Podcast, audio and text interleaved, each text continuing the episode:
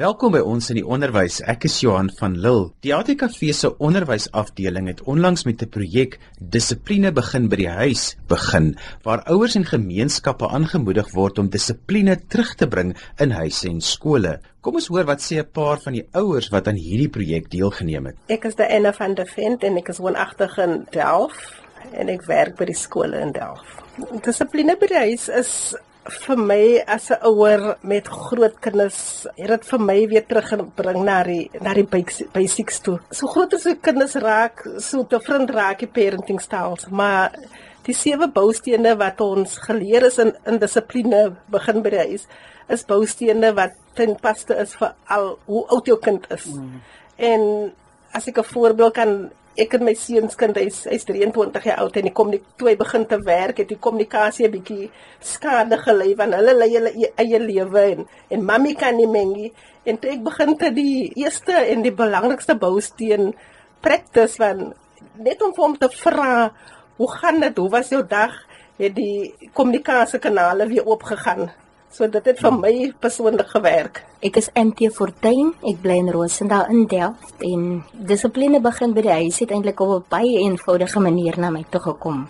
En um, ek is iemand wat baie belangstelling het in my kind. Ek het 'n dogtertjie van 7 jaar oud. Sy is nou graad 2 en um, ek het by die skool aangekom vir 'n vergadering. En dis toe dat ons vir Quentin daar ontmoet. Ek het nog 'n dogtertjie, sy's 2 jaar oud. En um onderwyl die projek aan ons voorgestel word, was dit eintlik op 'n baie eenvoudige manier, 'n manier wat ek gevoel het dit praat met my.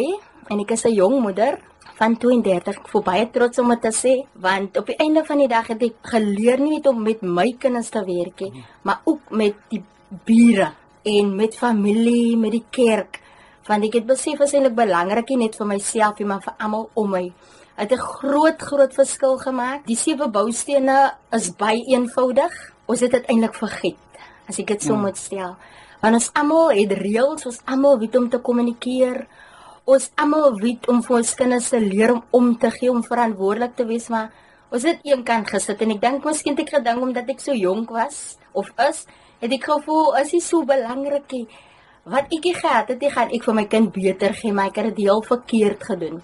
En toe die boustene na my toe kom, het ek sommer begin werk aan. En my grootste probleem wat ek gehad het was reëls. Ons het die reëls in ons plekke. Want almal kan maar doen wat hulle wil. En ons voel mos die kinders is klein, so hulle kan maar as reg as hulle stout is. En ek moet sê, toe ek begin werk aan die boustene, het dit verander. Ek en my man het 'n beter verhouding want ons leer om dinge saam te doen. Ons leer nou om saam te besluit oor die reëls, om saam te kommunikeer. Kom nie nou meer net van my kant af nie.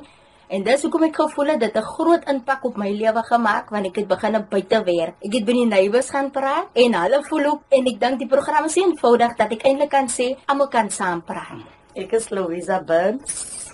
Woonagtig 6 Groenlandstraat in die Voorburg Delft. Ek kan sê dit Die ervaring kom op die regte tyd. Ek het ook 'n kind wat ek grootmaak, sy naam is Nico Klasen. En die eerste dag toe ek nou van die dissipline, toe kon hy vir my die next dag wat hy die skool uit kom, altyd doen hy maar net sy eie ding en dan sê hy nie vir my sorry of hy's jammer nie. Maar toe ek so verbaas wat by kind uit die skool uit kom, dan het my net baie kwaad gemaak. En um, ek praat met hom maar dan is hy luister en hy luister ook nie. Hy vra hoekom luister jy dan nie? En uh dit het maar verbygegaan en toe kom hy en hy sê mamma en hy het my om die lyf en hy sê mamma ek is jammer. Ek is sorry mamma.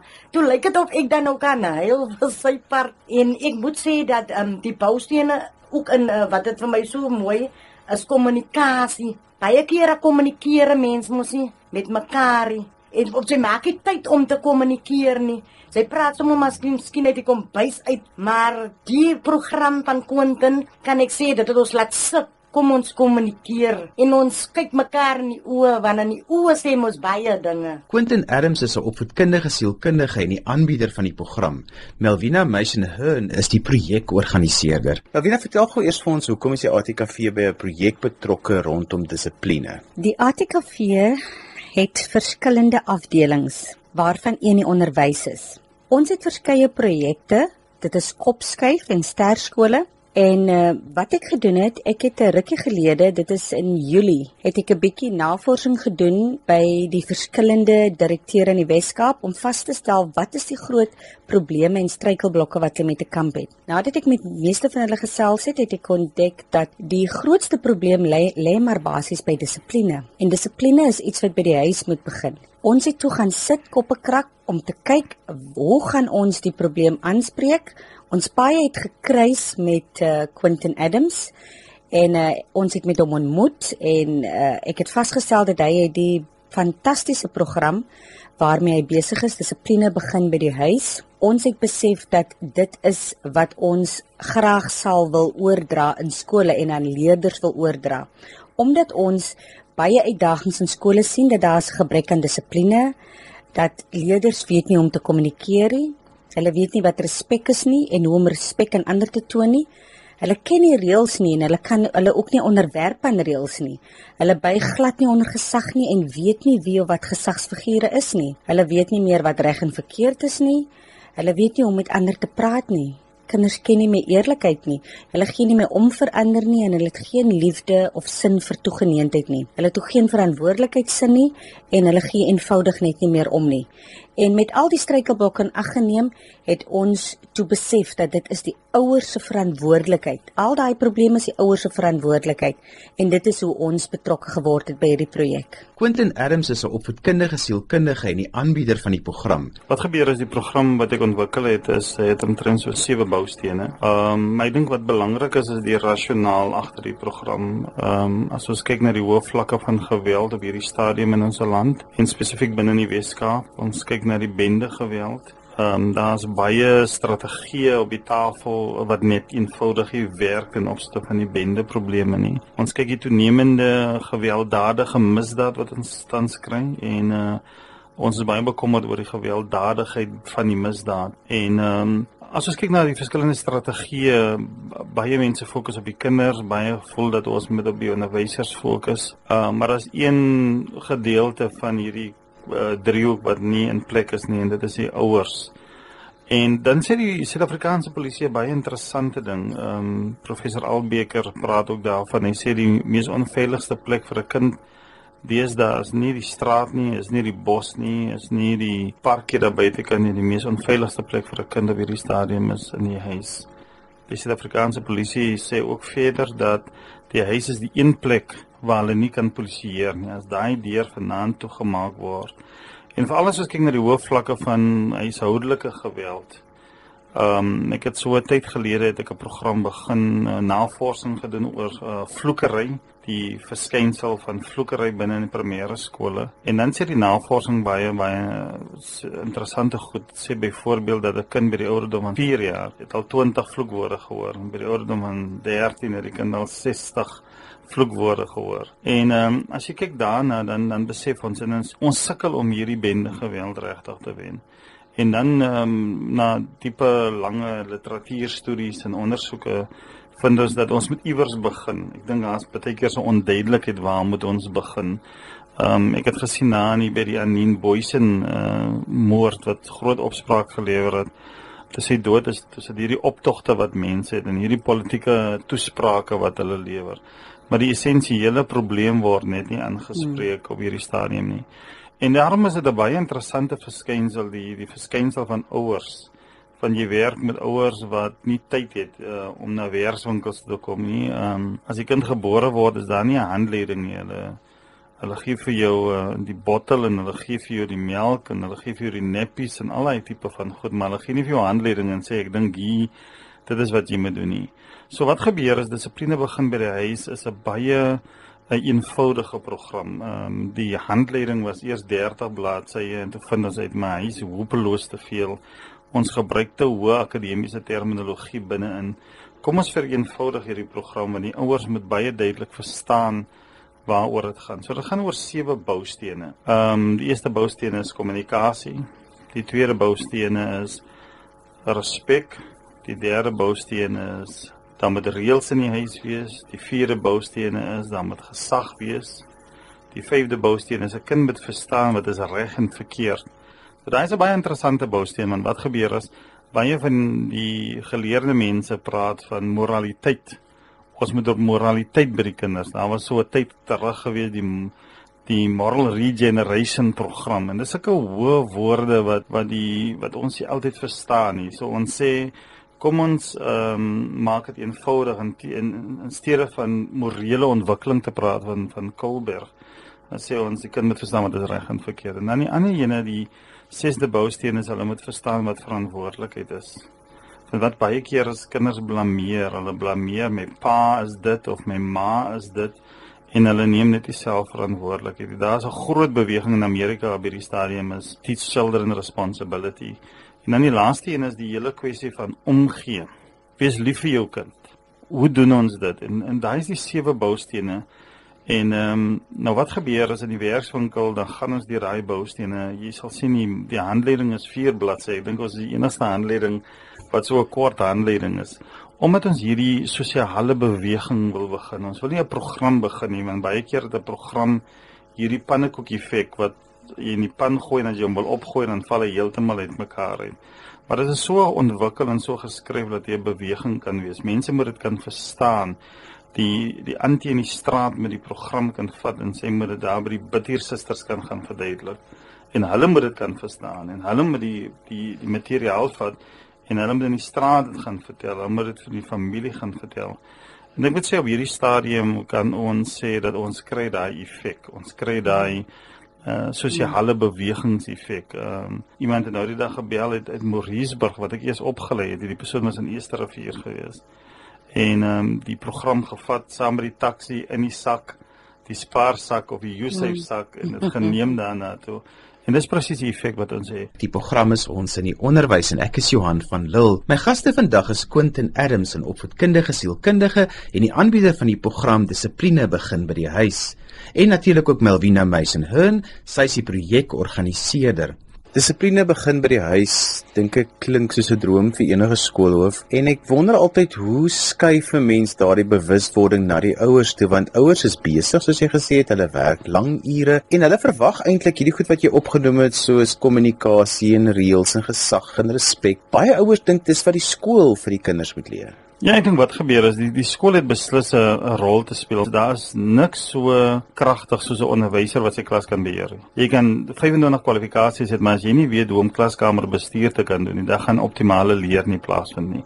So die onderwysers is is nou al toegerus hoe om uh, dissipline in die klaskamer te hanteer. Daar's nou al baie werkswinkels. Ek persoonlik het oor die 450 werkswinkels gedoen rondom klaskamerbestuur. Hoe hanteer jy verstaan jy kan daar's verskillende teorieë wat bestaan en verskillende paradigmas wat bestaan. So ek voel dat hulle het 'n basis wat hulle het. Maar ons sien nog steeds dat hierdie aggressie raak erger. Die kinders steek mekaar met die messe, hulle steek mekaar met die penne. Ek het nou die dag gehoor 'n uh, instansie het nou besluit dat as hulle die kinders die tandeborsel gebruik, dan sny hulle die handvatsel van die tandeborsel in die helfte want dan kan hy dit in 'n skerp voorwerp, so hy borsel eintlik met 'n halwe tandeborsel hmm. en so aan. So so as ons ook na die moorde kyk, dan sê ons wag, ons moet by die huis begin want ek dink as daar 'n basis is as ons 'n basis kan bou by die huis, dan kan die onderwysers altyd net verder bou op dit wat by die huis al reeds gebou is. En ek moet vir jou sê Johan, hoe meer ons werk met die ouers, dis 'n groot gaping. Elke dag besef ons dat ouers is magteloos. Ek het nou net eh, 'n uh, werkswinkel vanoggend gehad en die ouers sê asseblief uh die kinders sukkel met gesag. Hulle verstaan nie gesag nie. En en dis hoekom ons sê dat wat ons graag wil doen, ons wil vir die kinders, die ouers die vaardighede gee sodat hulle basis kan bou. Quentin, nou as ons iets vat soos reëls of gesag, hoe sal julle met die ouers dan werk dat hulle 'n strategie het wat of ten minste 'n vaardigheid het wat hulle by die huis kan toepas? Ja, wat gebeur is die werkswinkel is so ontwikkel dat hulle kry die basiese inligting en dan kry hulle tyd om daaroor te praat. Nou jy jy, jy moet ook verstaan dat ehm um, Ons kom nie na die weerswinkel en dan is daar niks wat hulle reg doen nie. So hulle kry 'n geleentheid om te sê, "O nee, maar ek praat met my kind, ek doen dit reg en ek doen daai reg en van dan koppel hulle beter in dit." Maar as hulle inkom en hulle nou sê, "Julle weet dan niks af nie, ons gaan nou vir julle leer," dan dan werk dinge nie so lekker nie. Maar wat gebeur wat interessant is, is dat ons sê vir die ouers dit moet baie eenvoudig wees. Spesifiek reëls byvoorbeeld, dis 'n baie interessante ene. Dan moet reëls wees van hoe laat hulle die televisie afsit. Daar's navorsing, horde navorsing op televisie. Uh, professor James Gabarino, uh, hy is so gekant in die televisie in 'n huis. Ek praat hier van televisie kykie. Ehm um, want dit stimuleer nie akademiese denke en intellektuele vaardighede nie. So wat gebeur is is uh, dan moet reëls in huis wees. Nou ons probeer dit so eenvoudig stel. Dan moet kombuisreëls wees. Ehm um, dan moet slaapkamerreëls wees. Dan moet 'n reël wees vir dat die kind sy skoene weg. En is hierdie basiese goed wat ons Ehm um, as ek aan reels ding dan dink ek altyd aan Karate Kid, daai tweede ene van hierdie ouetjie wat kom en net sy jacket afgooi en Mr Miyagi sê jy kan nie net afgooi nie, jy moet dit mm. jy moet dit ophang. Mm. Jy weet mm. daai tipe van goed en so aan. En dan van wat gebeur is reels help eintlik dat kinders interne locus van beheer ontwikkel.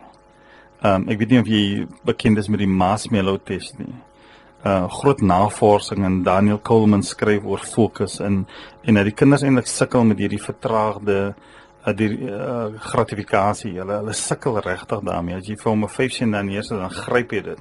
Maar reëls bring dat hy beheer begin te uitoefen.